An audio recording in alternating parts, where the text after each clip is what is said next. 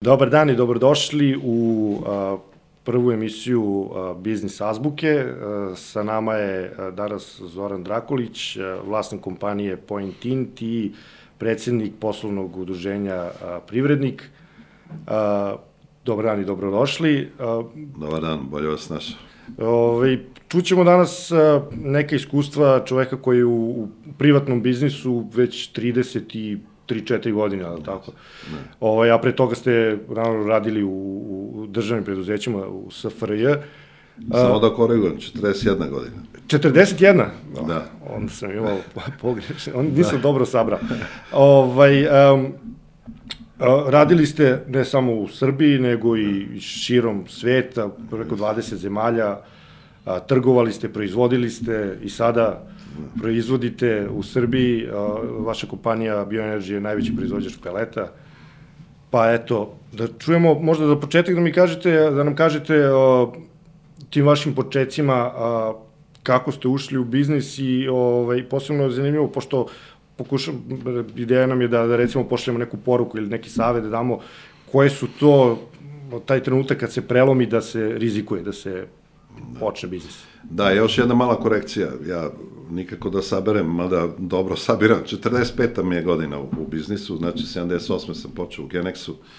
I to je možda, kako da kažem, bila jedna dobra škola ovaj, za mene posle za privatni biznis. Jer Genex je stvarno bila jedna vrhunska kompanija ja sam imao sreće da radim u tom nekom finansijskom odelenju u početku i uvek sam se, jako sam završio prava, bavio ovaj, finansijama, Tako da, da to moje iskustvo u Genexu od 78. do 90. godine mi je mnogo posle pomoglo u privatnom biznisu. Tamo sam jako mnogo naučio. Već posle četiri godine od kad sam počeo u Genex, bacili su me na Bliski istok, ovaj, gde sam pokrivao tamo 7-8 zemalja sa poslovima, znači Iran, Irak, Kuwait, Turska i Sirija i tako dalje, Sudan. I to, to su bile interesantne zemlje ovaj, i to mi je dalo jedno dobro iskustvo da 90. godine kada sam rešio da napustim Genex, a to je bila i prekretnica za Genex, obzirom da raspadom Sovjetskog saveza i, mm -hmm. i ti poslovi koje Genex radio su se dosta smanjili i onda u dogovoru sa isto velikim našim privrednikom Vukom Hamovićem napravili smo tu našu prvu firmu i počeli da radimo. Do duše to nije dugo trajalo jer Vuk je teo neku, da kažem, manji broj ljudi, a ja sam imao uvek ambicija da napravim neki novi Genex. Mm -hmm.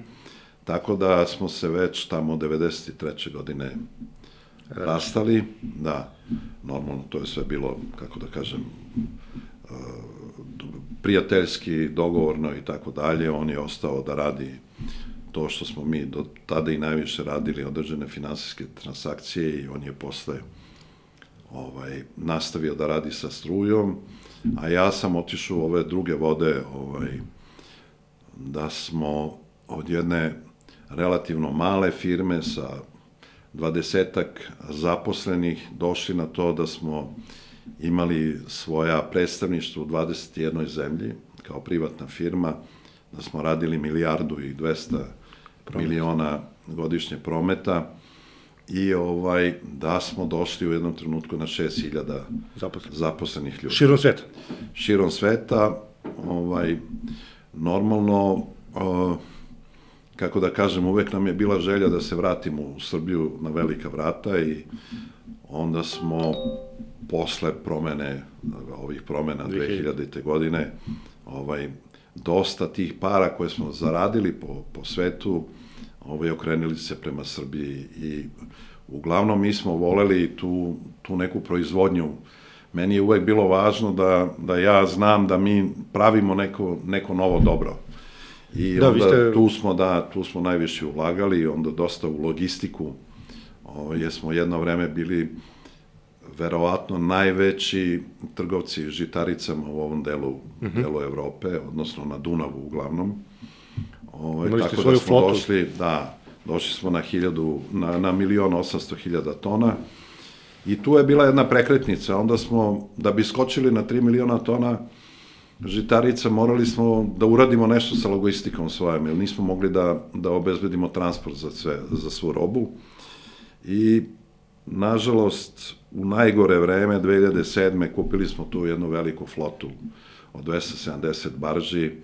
Ideja bila da žitarice idu prema, u, prema Rumuniji, da smo imali taj veliki naš terminal od 110.000 tona i ovaj nazad je bila ideja i to smo i počeli da radimo. Ovaj vraćali smo rudu gvožđa. Međutim dođe ona 2008. godina. Ovaj tri velike čeličane na Dunavu, znači u Mađarskoj, u Srbiji i u Austriji faktički neki su radili 30%, neki su čak bili zatvorili i onda je to bila katastrofa za tu našu flotu. Znači, od prosečne neke, da kažem, cene prevoza od 20, 20 evra po toni, mi smo pali na 10, obim je sa 4 miliona tona pao na milion 700, milion 800 i onda je katastrofa nastala, to su ogromni gubici, tako da smo to morali na kraju da prodamo ovaj, to sve i da to je, da kažem, možda u istoriji naše firme bio i najveći, da kažem, nije bio promašaj, ja mislim da je to fantastična investicija bila i štete je što tada vlada Srbije nije, mi smo nudili tada vladi Srbije da uđu unutra sa 50% ovaj, a danas, da nam pomognu u tim teškim vremenima, to je, mi smo govorili, tu se govorilo posle dve godine faktički, posle dve godine počele su da se vraćaju te željezare i tako dalje i danas bi Srbija bila car na Dunavu. Ovaj, međutim, nije bilo sluha tada i, i to je velika šteta. Eto. Ja, vi ste bili i, ovaj, i, i vlasnik i Valjonice u Sevojnu. Da. Valjonice Bakra. Da. I imali ste i mlinove i... Pri... Ma imali smo svašta, mi smo imali rudnike pre svega, da.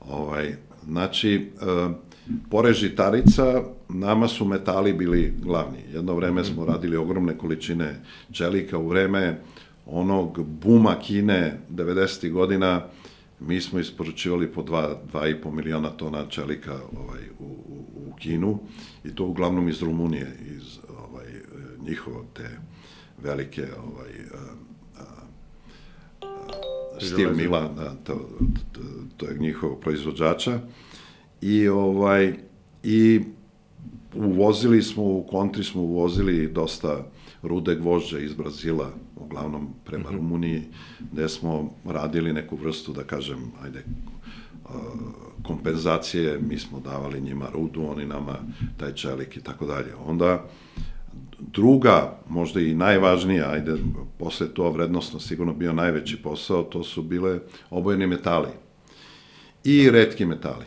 Ovaj, tu smo ra radili ogromne poslove sa bakrom, aluminijumom, niklom i tako dalje. Onda smo čak jedno vreme imali dva rudnika. Jedan je bio u Kazahstanu, gde smo i radili ovaj, e, bakar i zlato. To je bio jedan mali rudnik koji dava godišnje, ne znam, 15.000 tona bakra svega, ali je bilo interesantno jer smo jedan mali grad koji je bio gotovo mrtav sa 40.000 stanovnika bio se sveo na 20, da smo mi vratili opet te 40.000 ljudi zahvaljujući ti našim aktivnostima tako. Ruda je bila ta isto dosta bogata zlatom i tako dalje, mhm. tako da smo međutim posle smo to isto u nekom trenutku prodali tada kad smo rešili posle revolucije u Srbiji da se vratimo ovaj nazad i onda smo to prodali nekim da kažem našim ruskim prijateljima. Imali smo takođe vlasništvo u velikoj e, proizvođaču bakra u Čeljabinsku. To je bio proizvođač koji je bio veći od Bora. Mhm. Faktički, on je radio negde oko 140-150 hiljada tona bakra godišnje, mi smo tu bili vlasnici 30%. Ovaj, I imali smo jedan interesantan rudnik sada kad se priča o, o litijumu, to je bio prvi rudnik litijuma u Evropi. Gde u? To on je, to je, to je ovaj, eh, jedna oblast koja je tamo na granici između Rusije i Kine I taj rudnik su, oni su uložili u taj rudnik bili, šta znam, pričali su o milijardu skoro. Mi smo ga kupili za neverovatnih 500.000, zato što nije radio isto. On je bio potpuno zapušten, jako je mnogo urađeno u toj, da kažem, na, na, na tim putevima, železnici, logistici i tako dalje. Mi smo to kupili samo da bi, dali su nam da bi se to pokrenulo. Međutim, mi smo radili sasvim druge metale, tada litijum nije bio ovaj, mnogo, bilo je dosta drugih redkih metala koje smo vadili i to smo isto na kraju tamo 2000. godina prodali. A kako je bilo poslovati u to vreme, 90. i to posle pada Berlinskog zida ovaj, u Rusiji, recimo? Pa gledajte, to je, to je nama, kako da kažem, to je nama se pokazalo kao velika šansa, jer ja sam imao dva partnera kod mene u, u firmi koji su u stvari bili direktori Genexovih kancelarija u Moskvi godinama. I onda smo mi poznavali dosta ljudi u Rusiji, tada nije bilo ni bezbedno raditi u Rusiji, tada je bilo ono... Posebno u unutrašnjosti, ne? Pa ja ne znam da znate da je, recimo, u to vreme za borba za proizvođača aluminijuma odnala je 32 života direktora raznih aluminijovskih kombinata ovaj, u to vreme. Oni su volšebno nestajali, ubijani na aerodromu, ovamo, namo. Mislim, ali mi smo, kako da kažem, uspeli kroz neku nišu da to držimo pod kontrolom i ovaj, poznavali smo lokalnu administraciju i tako dalje i uspeli smo da se održimo bez, bez ikakvih, da kažem, ovaj, problema. Ali to je bilo, da kažem, jedno kaubojsko vreme u, u Rusiji, kad su se delile karte i kad se vršila ta privatizacija tih velikih... Da Preraspodela bogatstva. Da, da, velikih preduzeća. Ali ono što je interesantno, da bismo mi uspeli to sve da radimo, mi smo otvorili kancelarije gotovo svuda u važnim punktovima u svetu. Znači, bili smo prisutni u, u Kini, bili smo prisutni u Americi, u Njujorku, u Empire State, u Empire State Buildingu smo imali svoje kancelarije. Znači, u Nemačkoj, svuda po Evropi gde je bilo važno, znači, bili smo u Koreji, bili smo na Tajvanu, Kako ste našli ljudi za sve to? To je mnogo ljudi. Pa, pa znate šta, ja sam uglavnom tu neku srednju generaciju iz Genexa, mi smo uh mhm. -huh. to izvukli, znači sve te neke, da kažem, perspektivne ljude iz tog, da kažem, biznisa, uglavnom iz metala, agrara i tako dalje. Iz agrara smo uglavnom iz Vojvodine doveli ovaj, ljude ovaj, koji su nam radili taj agrarni deo. Naftagas je imao u to vreme jedno agrarno odelenje ovaj, koje ovaj, je, radilo te posle i tu su bili izvarena dva čoveka koje smo mi preuzeli, posle su oni vodili to, na, to naše. Nama je centrala za agrar bila u Budimpešti, mm -hmm. jer uglavnom smo mi sa agrarom pokrivali te, da kažem, izvozno te uh, dunavske zemlje, ali posle smo radili iz Brazila, recimo sojinu, sačmu soju i tako dalje, radili smo ove, iz drugih južnoameričkih, radili smo američku pšenicu, radili smo svašta. Ovaj, jer kad ste u trgovini, često morate da kombinujete i ovaj da kažem razne izvore za, za, za i za pokriće različitih tržišta. Stvarno smo da kažem u tom delu jako jako narasli, bili ozbiljan partner. I onda smo svi da kažem u jednom trenutku kad smo da kažem loše prošli sa tim baržama i kad smo tu pretrpele ogromne gubitke, onda smo i prodali taj agrarni biznis jednoj mm -hmm. velikoj najvećoj u stvari američkoj kooperativi taj silos naš u Konstanciji, ceo biznis smo faktički prodali. A da vas, da vas vratim samo na 2000, da. ovaj, e, vraćamo, da. prolazi 5. oktobar, promena vlasti, da. vi se vraćate. Da. Kako su vaše očekivanja pa, i, i, i iskustva, da li su pratila očekivanja? Pa, znate šta, da kad bi se vratio ponovo nazad, verovatno mnogo stvari ne bih uradio od onoga što smo uradili. Ali mi smo, kako da kažem, radili dugo godina na polju, svi smo, uglavnom je tu bilo gro ljudi naših, mada smo mi zapošljavali i Kineze i, ne znam, i Amerikance i svuda su, zavisi od kancelarija gde smo bili, ovaj, ali gro vodećih ljudi je bio iz Srbije. I onda smo svi imali želju na neki način da se mi vratimo nazad i po, poprodavali smo sve to, malte ne po svetu, Ovaj, da bi se vratili nazad, onda smo privatizali valjavnicu Bakre u Sevojnu, pa posle toga fabriku kablova u Zaječaru, pa nakon toga fabriku kablova u, u Novom Sadu. i ne znam, masu nekih mlinova po Srbiji, skladišnog prostora i tako dalje, da bismo nastavili, da kažem, tu neku našu aktivnost na nekom nivou na kom smo mi navikli da radimo. Mm -hmm. ovaj. I ovaj, kako da kažem, to je dobro iskustvo bilo, međutim, bez ikakve podrške, razumete, tu nije bilo ovaj, sluha. Mi smo, recimo, nas, nasledili u, u fabrici u Sevojnu gotovo 5000 ljudi, nešto što je moglo, posle smo mi to sveli na 1000 ljudi. Znate koliko je koštalo sad da vi kroz neko vreme normalno, bez nekih velikih stresova, da se oslobodite 3-4 hiljade ljudi iz fabrike, da biste došli na onaj nivo koji vam obezbeđuje neko komercijalno normalno poslovanje, da pravite neki profit tamo i tako dalje. Ogromno ulaganje smo imali u tu fabriku. Ovaj, međutim, kako da vam kažem, kad je došlo taj problem koji smo imali, ovaj, te velike gubitke na, ta, na toj floti, onda smo 2010. godine podelili firmu na dve. Jedno je, su uzeli fondovi koji su uh mhm. -huh. nam, da kažem, bili unutra, ušli kada smo radili te velike akvizicije. Oni su uzeli jedan deo firma, a mi smo se onda opredelili za ono što danas radimo, u stvari, i prvi smo to počeli u Srbiji, to su ti obnovljivi izvori energije. Mi kad smo to krenuli pre 14 godina, niko nije ni znao o čemu se radi. Onda smo imali tržište ovde u Srbiji svega 10%. Danas je to tržište 90% u Srbiji, a 10% izvozimo. Nekad smo 90% mhm. izvozili, da, da, da, tako da.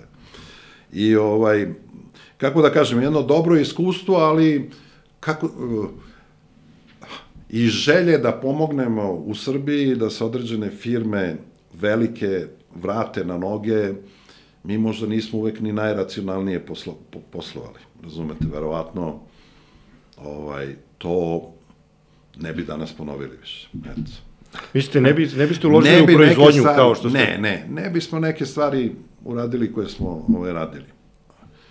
A neki ljudi su i pametnije poslovali, razumete, oni su uradili relativno jeftine akvizicije, posle su to prodavali skupo.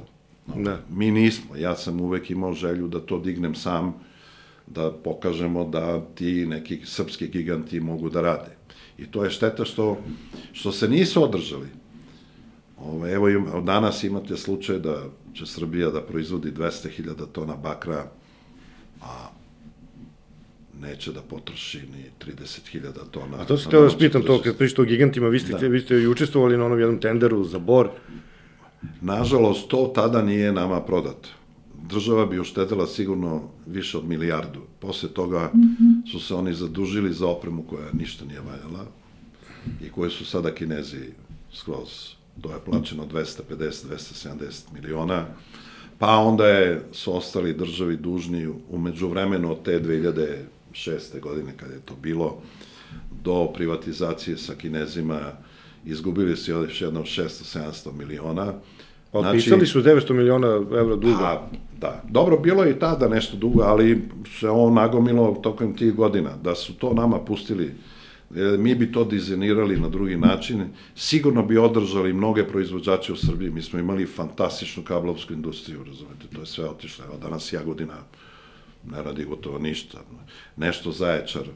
Ali problem... Radi nov kabel zatvoren, razumete. Fabrika cevi u Majdanpeku zatvorena. To su sve bili, bile dobre firme i mogle su da radi. Jedino je se održao ovaj, Sevojno i tu sad ima neki problema vlasničkih i tako dalje, ali ovaj, moglo je sve to da, da mislim, gro nekih fabrika da, da ostane i da radi i da mi trošimo danas 70-80 hiljada tona bakra u proizvodnji u Srbiji, da, da neku dodatnu vrednost napravimo i tako dalje, a ne ovo da prodajemo čisti bakar, to je katastrofa.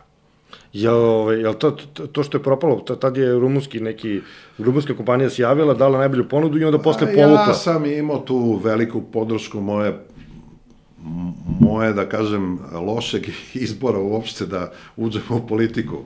Mene moji ljudi iz DSS-a su tu iz, da kažem, iz Minirali. izminirali i nisu dali da ja... Jer taj rumunski fond mi smo znali, pošto smo imali veliku kancelariju u Rumuniji, znali smo ko su oni i šta su. Mi smo znali da oni nemaju te pare i da ne mogu da je obezbede. A mi smo iza sebe imali jedan veliki fond iz Indonezije koji imao pare na računu, sve, sve bi to završili čas posla.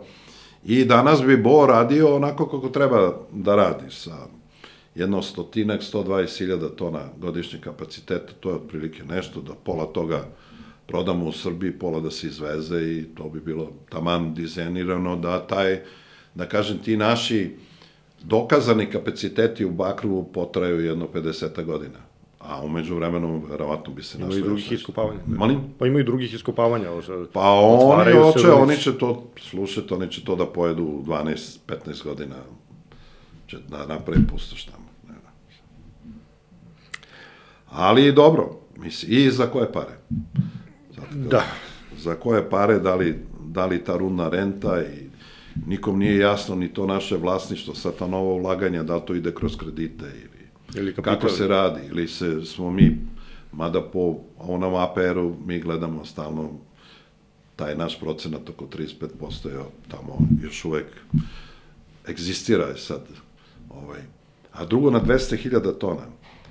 Ja vam tvrdim, sa metalima redkim i sa svim tim, znači oni neće biti ispod milijardu i 200 godišnje profita. Na ovim današnjim cenama, razumete, ne samo mi gde će biti te cene. Drugo, ako vi to iscrpite za 12 godina, a za 20 godina cena bakra skoči na duplo, pa vi ste bacili, razumete, ogromne pare.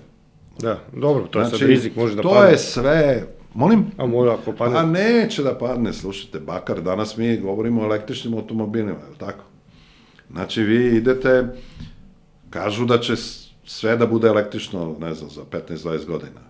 Znate vi koliko je to bakra? I samo govorim za taj deo industrije, da ne govorimo o, o panelima, o svemu ovome, obnovljivim izvorima energije, tu svuda imate bakra. Vi u ovo, u automobilu samo, vi sa 28 kila idete na 44 kila, u proseku po automobilu. Pa izračunajte sad koliko je to brakara i šta je to. I sad, strateški ovde niko ne razmišlja, mislim, to se donose odluke od danas do sutra, ovaj, verovatno niko ne razmišlja od 25. do 26. Oni samo 23. pa da vidimo šta ćemo 24. a šta će biti za 10-15 godina, nema veze. Ovaj, sad bih vas pitao o, to, to neke, e, neke iskustva, recimo poslovna koje ste stekli, a, a, ljude, kako ste birali s kojima ćete raditi, koje ste osobine gledali pre svega, pre nekih drugih, kako, šta biste, kako biste ocenili apetit za rizik, ovaj, šta biste To, tu recimo bravo, ocenili, Bravo, bravo, bravo. šta biste bravo poručili? Bravo pitanje. Gledajte, ja sam radio u jednoj velikoj kompaniji, to, tom General Exportu, gde su bili dobri ljudi, stručnjaci i tako dalje. Međutim, Genex je imao par dobrih udara u svojoj istoriji. A upravo zbog toga što nije, tad se malo drugačije radilo, nisu se ti rizici, da kažem, eh, pokrivali. Recimo, naša jedna velika firma, jedan od najvećih punktova Genexa u to vreme u Londonu, na jednom poslu izgubio 25 miliona, na jednoj relativnoj maloj količini bakra koji su kupili u jednoj valuti, a prodali u drugoj, Umeđu vremenu. a umeđu vremenu se nisu hedžovali, nego je to stajalo na skladištu, cena pala i razumete vi na 10-12 hiljada tona bakra izgubite 25 miliona funti u ono vreme. To je bilo strašno. To je bio udar, razumete, ovaj. E, onda je to na nas, tu neku mlađu generaciju, naučilo da mi to, kako da kažem, da, Da da se to ne dešava. I ja sam, recimo, uvek u firmi imao ljude koji su se bavili hedgingom. Znači, oni su, mi ako danas kupimo bakar, pa ga damo negde u proizvodnju i znamo da će da izađe za 60 dana, razumete, mi ako danas kupimo, mi ga odmah prodamo, a sutra ga kad prodamo, onda kupimo i zatvorimo tu poziciju bez, bez ovo. Znači, uvek smo, nismo spekulisali, razumete, tako je bilo i sa pšenicom, tako je bilo sa svim ovim drugim. Ovaj. I to je, to je za nas bila dobra škola da mi to više ne radimo. A kad izađete na međunarodno tržište, to je jako važno, razumete? Ne? Vi možete ponekad na sreću da, da vam skoči neka roba, a to ću vam posle ispričati jedan divan primer. Ovo i da vi dobro zaradite, ali da li to će uvek da bude ili će da krene protiv vas? Ja se smije oslanjati na sreću u biznisu. Pa, to, slušajte, možete se kockati na malo, ali to, ovaj, uglavnom, mi smo radili spekulativno to, ovaj, pošto kad vi radite fizičku robu, onda uvijek imate prostora da, da radite i to malo sa papirima. I onda tu mora da imate stvarno vrhunske ljude da pratite trendove, da ste na vezi sa tim vašim brokerima koji vam rade to i tako dalje. Ali uglavnom to se radi u nekom kraćem vremenskom periodu. Ili uđete ujutru pa se zatvorite uveče, ili nikada ne ostavljate otvorene pozicije na neko dugo vreme, svako, pogotovo ako su neko, neka stresna vremena kao ova, mislim, danas ili ono što mm -hmm. smo imali tako dalje, uvek za neke metale dođe neka priča, pa onda se to iskoriguje, kao što smo imali prošle godine. Sa nikl, ne? Nikl na 37.000, neverovatno, ali to je sve opet neiskustvo jedne kineske kompanije koje nije zatvorila i onda vas uvate ovaj trgovci, razumete, i onda vas izmuzu, neko izgubi pare, znaju da imaju pare, onda ih oni, razumete, raste vam taj neki, razumete, taj neki spread na marketu, raste cena automatski sa time i vi ne možete, razumete, pukne firma, ode sve, razumete, nema. Ovaj.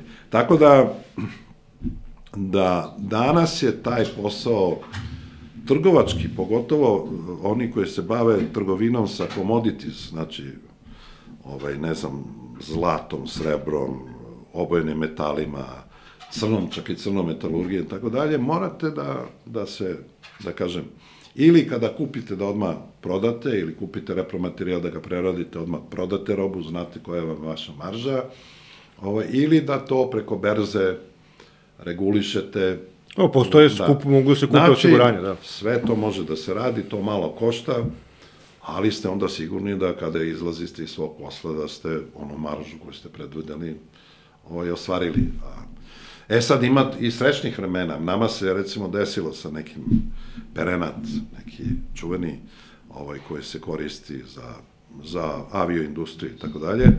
Jednom trenutku smo kupili to iz rezervi u ono vreme kad se raspao Sovjetski savez i tako dalje, to bile neke 96. 97. godine. Kupimo kontejner jedan, razumete, koji je vredeo recimo milioni četista. Ovaj, to je drastičan primer bio. I sad mi to prodamo, razumete, isto da ne bi bilo. Ali ovima s kojima smo prodali, rekli smo, slušajte, mi to vama fizički prodajemo, cena jeste ova koja je, ali pod uslovom da nam oni isporuče. Nismo sigurni da će da nam isporuče. I nema isporuke, razumete? Nema. Jednostavno, treba da se tovari negde na dalekom istoku, tamo nema brod, nema kontenera, mi jurimo ovo ono i jednog dana oni nama jave, jednoga stiže već u, u Rotterdam, roba. Umeđu vremenu roba skočila tri puta. I sad se mi vratimo ovom našem kupcu i kažemo, slušajte, ovi hoće da isporuči taj kontener i tako dalje, ali više nije ova cena. Oni kažu, ma nema veze, samo nam isporučite. Dajte. Mi smo vama ostali na onoj ceni po kojoj smo kupili, vama smo prodali tri puta skuplji i tako na jedan kontener uzmete 3 miliona. Ali to je, mislim, to se ne radi. Mislim, to je ispala sreća, mi nismo ni znali hoće da isporuče, neće ali to je jedan, jedan put u deset slučajeva se to desi. Eto. Ne. A ako mogu da vas vratim na to, ovaj, kako, da. kako ste birali ljude s kojima ste... A, da. Pa ljude smo birali, kako da vam kažem, prvo, važno je da na svakom tržištu imate i neki lokalni ovaj, stav koji, koji poznaje prilike na tržištu ili ima dobre, da kažem, konekcije i tako dalje. Ovaj, tako da smo, pored naših ljudi koje smo uvek slali u -hmm. određene punktove, imali smo i lokalce. Recimo u nekoj Mongoliji, imali smo kancelariju veliku u Mongoliji, radili smo ogroman posao u Mongoliji. Kako ne možete vi tamo, razumete, bez lokalnih ljudi i tako dalje. Mi smo imali tamo prijatelje, naš prijatelj je bio predsednik države, kod koga smo odlazili na kafu kad smo hteli, razumete. Onda nam je bio a, prijatelj direktor tog rudnika, koji je bio u stvari prvi čovek u Mongoliji, razumete, on je držao, oni, oni su 70% društvenog proizvoda je bila taj bakar iz tog ogromnog rudnika i tako dalje. Tako da uvek u Koreji isto morate nekog lokalca da nađete koji je dobar, ne znam.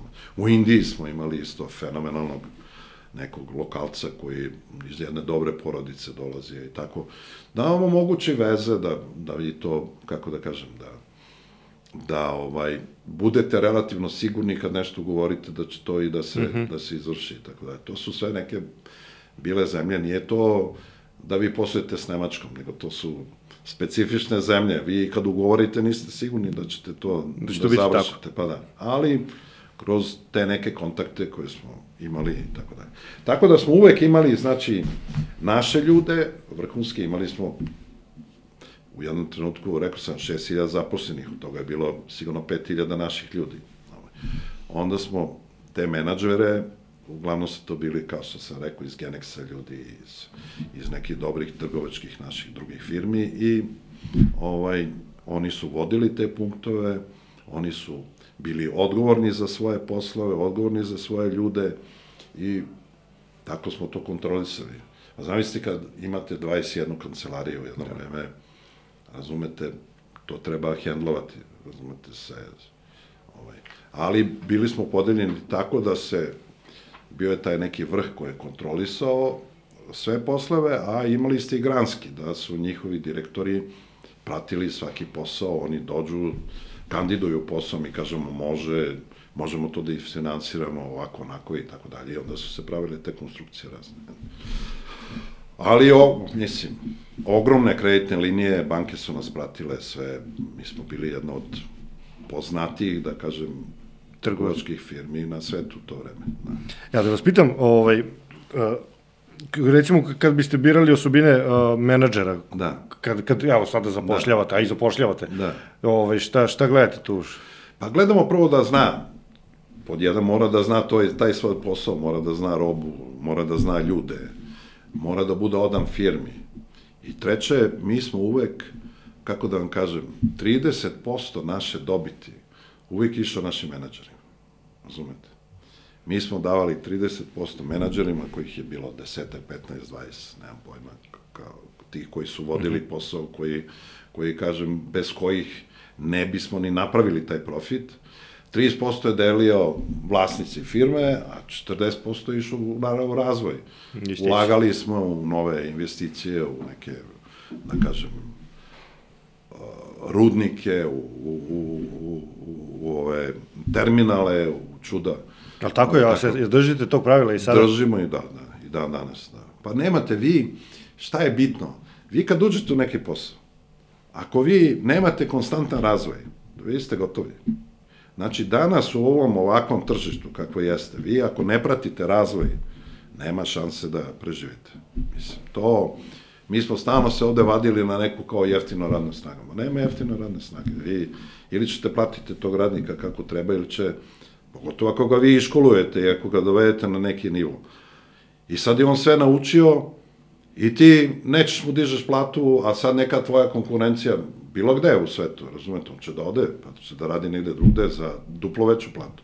Znači, morate prvo dobro da ga platite, drugo, morate, oni svi znaju da ako dobro radite, da tu ima neki profit, mora da učestvuje u profitu, ovaj, inače nema dalje. I treće, ovo čemu vam pričam, razvoj. Razvoj, razvoj, razvoj. Morate sve da pratite, sve novo, da probate da primenite, i eto, to je.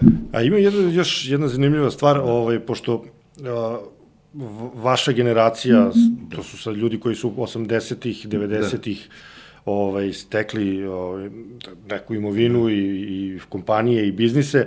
Ovaj, kako je, i vi ste sad u udruženju privrednih, sigurno imate, do, do, znate ne. kako je situacija, kako ide sa nasleđivanjem ovaj, poslova, kompanija? Pa teško to ide, da. Teško to ide i to ne treba insistirati. Ja mislim da je to greška velika. Da vi sad, i, i tu, je, tu je najveći problem u stvari u, u razvoju te srpskog privatnog biznisa te naše firme su se mnoge zatvorile u porodice, u ovo ono, nikome ne veruje, razumete, vi morate dovedete tu profesionalni menadžment. Ja nikada, recimo, moje deci nisam dozvolio da se bave poslom u firmi. Radite nešto drugo, ja ću da vam pomognem, razumete, završite te svoje fakultete, svi su završili fakultete, rade neki svoj posao i nema veze sa firmom, razumete. Ima toliko veze što ja, ako zaradim nešto, ja im podelim neke pare. I pomognem im da nešto drugo urade. Vi, ako se oslonite na svoju familiju, i ako mislite da možete samo organski da se razvijate, to je gotovo. Nema. A to je problem u Srbiji. Mi nemamo danas tržište kapitala. Tada imamo dobre firme. Razumete? Jer su se sve zatvorile. Niko ne sme na berzu. Šta ću ja da sad dam nekom peri da zarađuje na onome što sam ja smislio. Razumete? Pa nije tako. Razumete? Ne možete da se razvijate iz sobstvenog profita 100% da se razvijate ako i hoćete dinamičan razvoj, je teško. A da li Ako može- nemate neke enormne profite, pa onda... A da li oni prepoznaju, recimo, trenutak kada kompanija prevaziđe njega kao pojedinca, kada je toliko Pa uspešan da je... nažalost, pa nažalost to se ne prepoznaje. To je problem. Naši ljudi, mi nismo, vi u Americi, decu, bre, od osnovne škole počnete da učite kako je, kako, kako funkcioniše biznis. Oni u srednje škole počinju kupuju akcije na berzi, razumete? To, to mi nismo naučili, kod nas ne, ne, ne pozna, i drugo ne postoji ta berza. razumete? Zašto sad ne bi neki klinci, razumete, dobili od roditelja koji dobro rade, ne znam, u IT industriji dobili neke pare male pa uloži 1000 evra u neku kompaniju. Zašto ne bi to uradio? A tu u Americi rade, razumete, rade i po Evropi, svuda. Ovaj.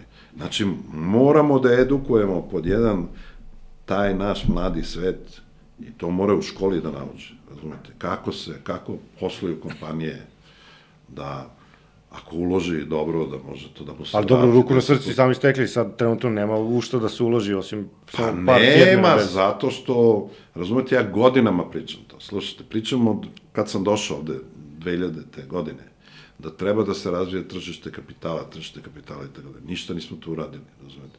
Nama treba tu pomoć sa strane. Ne možemo mi to očigledno Ali, sami. ali isti- je činjenica da su neke firme, znate onda kad su sve na silu izašle o, na Da. berzu, da posle privatizacija vla, novi vlasnik je gledao brže bolje da zatvori konstrukciju, kupi 100% i da izvuče sa berze. Pa, to je, to je greška. Greška, mislim, velika. Po meni je to greška. Ovaj, I šta su radili? Sad oni dođu do nekog nivoa, razumete, i onda uzmu pa prodaje firmu. Ili budu kočnice u daljem razvoju.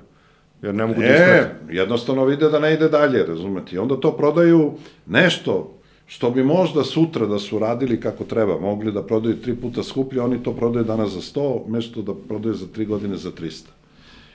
Ne, nisu pogodili vreme, razumete? Ili nisu ispratili tehnološki ovaj dalje da razvoj svoj i tako dalje, onda neko vidi šansu sa strane, dođe, kupi ih 100%, razumete, i on to posle proda za pet godina pet puta skuplje.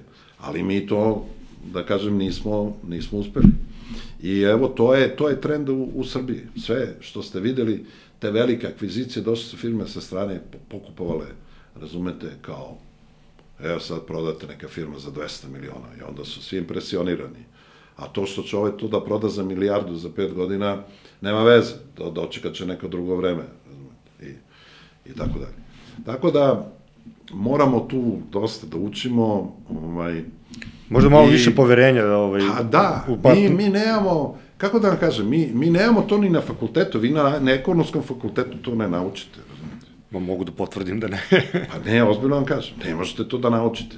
Kao, a drugo, ko da vam kaže? Pa ti, ja cenim mnoge profesore, sve oni, uh, u redu je to, ali oni moraju više se druže sa tom privredom, razumete, da vide, ovaj, znate šta, jedna je stvar kad vi se borite svakog meseca, treba da isplatite, znate šta znači isplatiti 6000 plata svakog prvo? Pa, 6000 ljudi treba da primi platu, pa treba da se plate poreze, pa ovo ono, pa da. To je čudo. Ili kod neke firme i sa 50 je isti taj problem. Razumete, kao onaj sa 6000. Ali treba da se, kako da kažem, da se edukuju. Šta je problem da vam uđu neko sa strane? Mi smo, mi smo fondove već prihvatili 2006. 7. godine su kod nas ušli fondovi u, u firmu.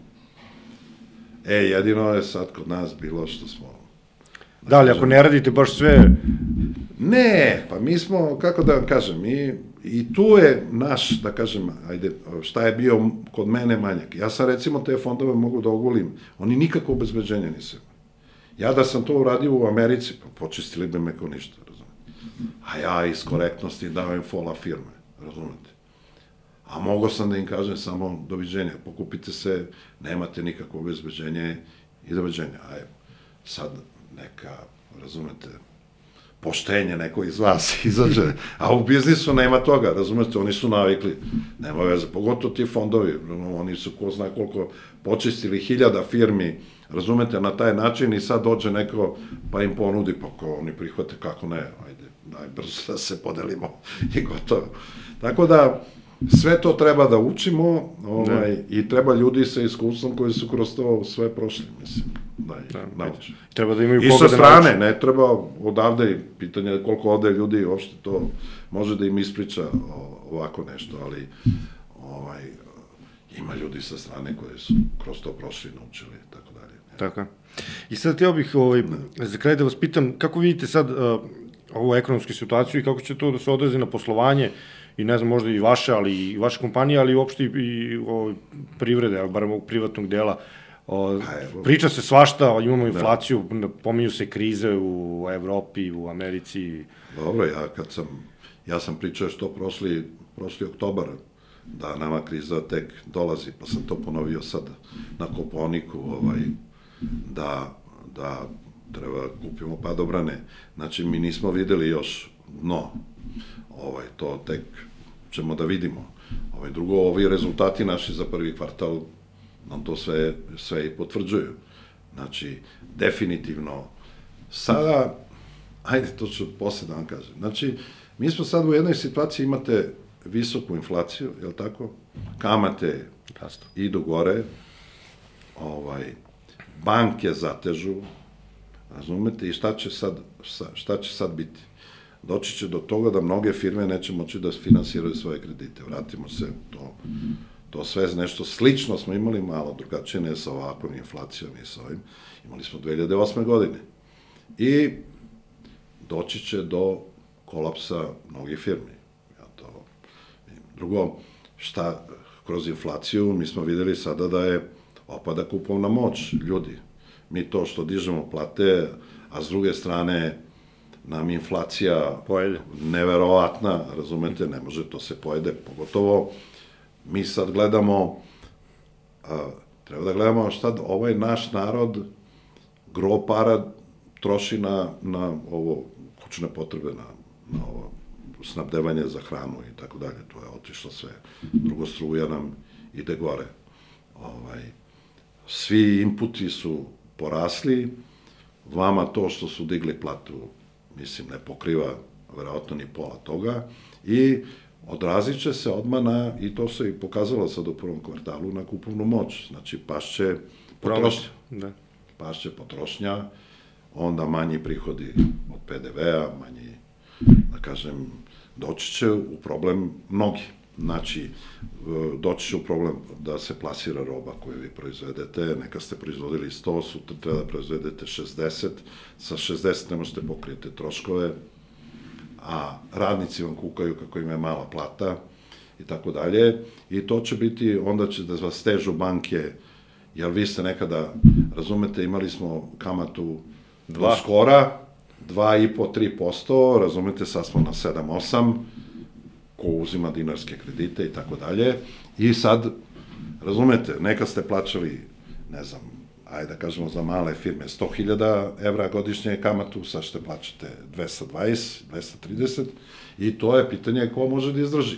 A pogotovo ove cifre velike, kad govorimo, neko ko ima kredite 50, 70 miliona evra, sad zamislite koliko je to sad više, treba da plati kamate, a posao mu baš ne ide. I dolazimo sada u jedan začarani krug. A što se tiče sveta, gledajte, to je još gori problem. Vi ste štampali para i para i para i tako dalje. I onda šta se desilo? Evo šta se desilo tu u Americi, recimo. Sad imali ste banku koja je bila puna para i nema gde da plasira. I ona kupovala papire sa dosvećem 10 godina, razumete, sa malim prinosom. Odjednom skočile kamate, razumete, on ne možete svoje papire da proda ni za 70%. I pukne, razumete, sad vi 40 milijardi, 50 milijardi imate u tim nekim papirima, pa to sad diskontujete za 30%, pa vidite koliko ste pukli. I to, toga ima koliko hoćete. Kažu da 20 do 25% američkih banaka su u tom problemu. U Evropi, ne znam, navodno nisu toliko kupovali te dugoročne papire, mada nam je svima pričano pre dve godine da kamate neće skoro, razumete, da se diže i tako da. Ali, evo, došlo je i tu sad treba biti pametan kako se, da kažem, ja govorim sad o centralnim bankama, mm -hmm. kako se dalje postaviti. Vidimo u Evropi je već počelo da kamata, da, da kažem, inflacija se malo ovaj, stišava. Dokle će ta kamata da ide, da li ćemo još dići pola posto, 1%, 2% u narednom periodu, tu Bog živi ne zna. Ali, dok ne krene novi ciklus, nema, nema nama Neće dobro, biti bolje. Da, neće biti bolje. A ovo može da potreš dve, tri godine. Da. Drugo rat u Ukrajini, sve to. Na svu sreću, energenti se drže. Govorimo o ovim globalnim, znači nafte. cena nafte, cena ovaj, gasa, struja je, ajde da kažemo sad, jesmo imali blagu zimu, ne znamo šta će se do godine. Ako bude zima samo 30% jača, imat ćemo opet ogroman problem. Opet ćemo videti te cene na 200, 300, 400 evra za kilovat čas. Megavat čas. Eto, tako da, ovo, ja nisam optimista, ovaj, prvo ne vidim brzi svršetak rata, ovaj, o, a drugo, ne vidim kako će se to regulisati, razumete, Ovaj, jer šta su radile gro američkih firmi? Oni su uzimali te pare, razumeti, i kupovali firme po Evropi, po svetu. Da, za jeftin novac. su, za jeftin novac kupovali, razumete. I, ovaj, međutim, pitanje je sad kako te firme posluju, da li su ta ulaganja bila prava i tako dalje. A treba, razumete, sad te pare ili vraćati ili plaćati kamate koje su... Sad sve više, više. Eto. Dobro. Hvala vam puno Hvala. na o, razgovoru, nadam se da je bilo korisno i za naše slušalce, da će biti. Ovaj, to je to. Dobro.